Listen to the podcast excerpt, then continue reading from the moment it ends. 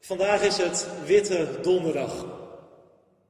Deze dag wordt er normaal gesproken het Heilig Avondmaal gevierd. Brood gedeeld en wijn gedronken. En dan staan wij stil bij de verschillende dingen die er op de avond voor Goede Vrijdag gebeuren. Maar vanavond jammer genoeg geen avondmaal. Dat hopen wij snel weer te kunnen vieren. Maar wel een korte overdenking met het thema Waak en bid. Vanavond lezen wij natuurlijk ook uit de Bijbel. Twee lezingen. Eerst Psalm 130 en daarna Matthäus 26, vers 36 tot en met 46. Psalm 130. Een pelgrimslied. Uit de diepte roep ik tot u, Heer. Heer, hoor mijn stem, wees aandachtig, luister naar mijn roep om genade. Als u de zonden blijft gedenken, Heer, Heer, wie houdt dan stand? Maar bij u is vergeving, daarom eert met men u met ontzag. Ik zie uit naar de Heer. Mijn ziel ziet uit naar Hem en verlangt naar Zijn woord. Mijn ziel verlangt naar de Heer, meer dan wachters naar de morgen, meer dan wachters uitzien naar de morgen. Israël, hoop op de Heer. Bij de Heer is genade, bij Hem is bevrijding, altijd weer. En Hij zal Israël bevrijden uit al zijn zonden.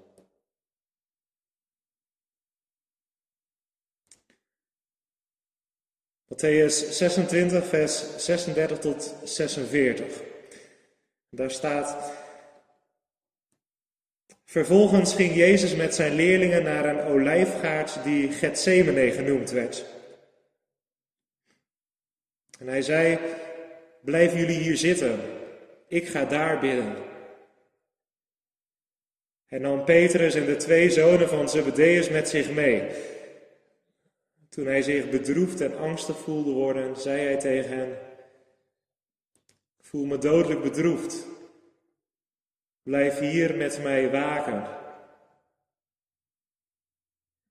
Hij liep nog een stukje verder, knielde toen en bad diep voorovergebogen: Vader, als het mogelijk is, laat deze beker dan aan mij voorbij gaan. Maar laat het niet gebeuren zoals ik het wil, maar zoals u het wil. Hij liep terug naar de leerlingen en zag dat ze lagen te slapen. Hij zei tegen Petrus: Konden jullie niet eens één uur met mij waken? Blijf wakker en bid dat jullie niet in beproeving komen. De geest is wel gewillig, maar het lichaam is zwak. Voor de tweede maal liep hij van hen weg en bad: Vader, als het mogelijk is, dat deze beker aan mij voorbij gaat zonder dat ik eruit drink, laat het dan gebeuren zoals u het wilt.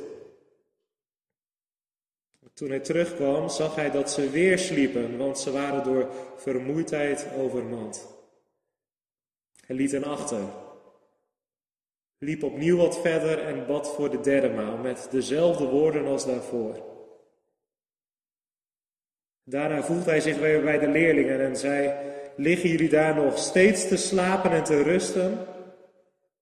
En dat terwijl het ogenblik nabij is waarop de mensenzoon wordt uitgeleverd aan zondaars? Sta op, laten we gaan.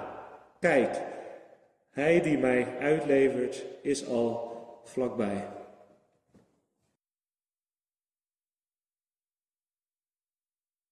Lieve zus en broer in de Heer Jezus. Wij zien de Heer Jezus vanavond samen met zijn leerlingen naar de Olijfberg gaan. En ze trekken naar het deel van de berg waar de olijfpers staat. Want dat betekent Gethsemane. Olijfpers. Olijfolie is in Israël het beeld van het goede leven. Het wordt ook gebruikt als medicijn. Maar hier in Gethsemane moeten die olijven eerst worden gepest. Uitgepest om tot hun doel te komen. Zal dit proces ook met Jezus gaan gebeuren? Alleen Jezus' beste vrienden, Petrus, Jacobus en Johannes, mogen met hem mee als hij zich even later afzondert om te bidden. Gedragen door de nabijheid van zijn vrienden wil hij, terwijl die pijnlijke pers op hem wacht, even alleen zijn met zijn Vader in de hemel. De dood die op hem wacht, benauwt hem. En wat is het dan fijn om op zo'n moment goede vrienden om je heen te hebben, die je dragen door te waken en door te bidden. Jezus zegt, vrienden, waak alsjeblieft. Ik heb het moeilijk. Blijf bij mij. Afgelopen week waren er moeilijke verhalen van mensen die op het IC op sterven lagen. Door de coronacrisis mochten er geen geliefden bij het bed komen. Schrijnende verhalen. En gelukkig waren er artsen en verpleegkundigen bij deze mensen om hun handen vast te houden. Want alleen zijn tijdens de angst van de dood, dat is natuurlijk onmenselijk. Ja, Jezus weet dat het einde van zijn weg op aarde nadert. Hij was gekomen om het goede leven te brengen. Door de pers, door de pijn heen. Maar dit aanvaarden, dat valt hem zwaar. De dood is natuurlijk niet zomaar iets. Het is iets onnatuurlijks. De dood wendt nooit. En Jezus is hier in Gethsemane niet als de filosoof Socrates, die in het uur van zijn dood zonder moeite de gifbeker opdrong. Zijn vrienden vertelden niet te huilen en vredig overleed. Nee, de dood is voor Jezus een strijd. En daarom vraagt hij zijn vader in de hemel: Vader, wilt u deze gifbeker, deze pers, alstublieft aan mij voorbij laten gaan? Is er geen andere weg naar het goede leven? naar genezing. Moet dit echt? Zijn vader antwoordt niet. En dat is ergens ook logisch, want het is ook niet God de Vader die hem deze gifbeker zal laten drinken straks. Het is niet God de Vader die hem zal persen. Het zijn de mensen zelf, de macht van het kwaad, die zo diep in de wereld geworteld zit. Als Jezus na een moeilijke geestelijke worsteling terugkomt bij zijn vrienden, ziet hij dat ze liggen te slapen. Wat een teleurstelling. Hij moet het straks echt alleen gaan dragen. Ook hier, net voordat alles straks gaat gebeuren, wordt opnieuw duidelijk dat er geen enkel mens is die weerstand kan bieden tegen de macht van de dood, tegen de machten van het kwaad. Jezus zegt, Petrus, jongens, kunnen jullie niet één uur met mij waken? Kom op, blijf alsjeblieft wakker en bid dat jullie niet in beproeving komen. Maar even later vindt Jezus zijn vrienden weer slapend. Ze zijn letterlijk moe van verdriet, omdat ze hun Heer zoon zien lijden. En wat heeft hij daaraan? En als Jezus even later weer terugkomt, zegt hij: Liggen jullie nu nog steeds te slapen en te rusten, terwijl ik straks zal worden overgeleverd aan zondaars? Sta op. Laten we maar gaan. Hij die mij zal, straks zal uitleveren, is al dichtbij. En Jezus moet als zoon van God alleen door die pijnlijke pers heen om voor het goede leven te zorgen. om voor de wereld het goede leven te openen. Er is geen andere weg. En hij is ook de enige die dat kan, zonder in slaap te vallen, zonder te verslappen. Dat is de eerste les die wij vanavond uit deze lezing kunnen leren. En de tweede concrete les voor ons is waken en bidden. De goede vrienden van Jezus lukt het niet om te waken en bidden. Ze vallen in slaap. De vraag die ik jou, maar ook mijzelf vanavond wil stellen is: hoe stellen wij ons op als leerlingen van Jezus? Als het moeilijk is om ons heen, als onze omgeving door een crisis heen gaat, als we in het nieuws horen van vluchtelingen die het moeilijk hebben, keren wij ons daarvan af? Slapen wij dan? Misschien zelfs in verdriet of machteloosheid? Of vindt Jezus ons wakend en biddend? Staan wij op onze post als de wachters in Psalm 130, die wachten op het licht van de morgen? Hoe vindt Jezus jou vanavond? En hoe vond Jezus jou in het afgelopen jaar? Ja, blijf bij Jezus, ook als het moeilijk wordt en het leven voelt als een pers. Waak en bid totdat het licht doorkomt en het morgen zal worden. Amen. Heere God, trouwe Vader in de hemel, het is een rare witte donderdag vandaag. Zonder avondmaal, zonder de intieme setting in de kerk.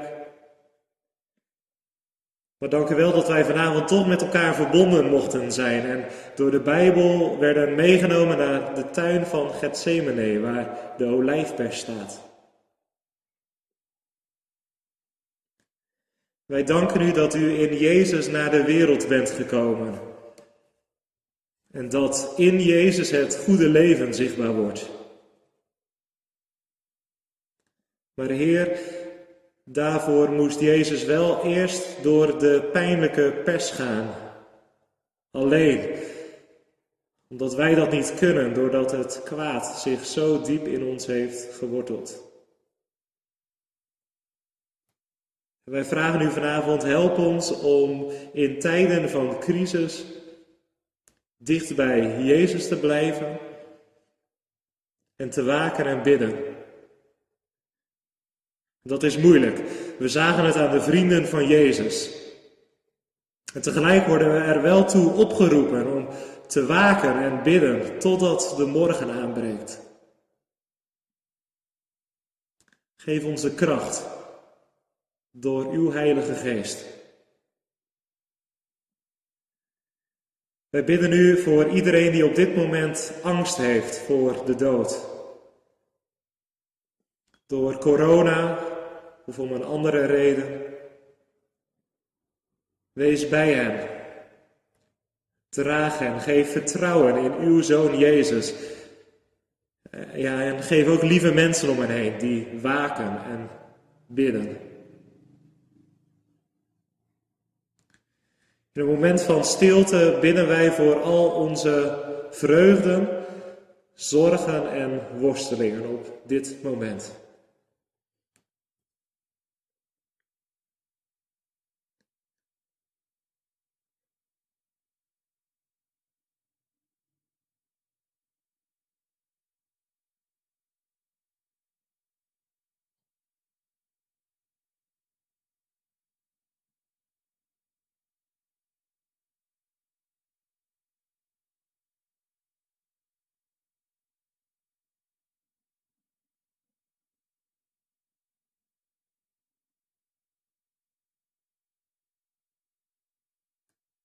Ga zo met ons mee op weg naar Goede Vrijdag.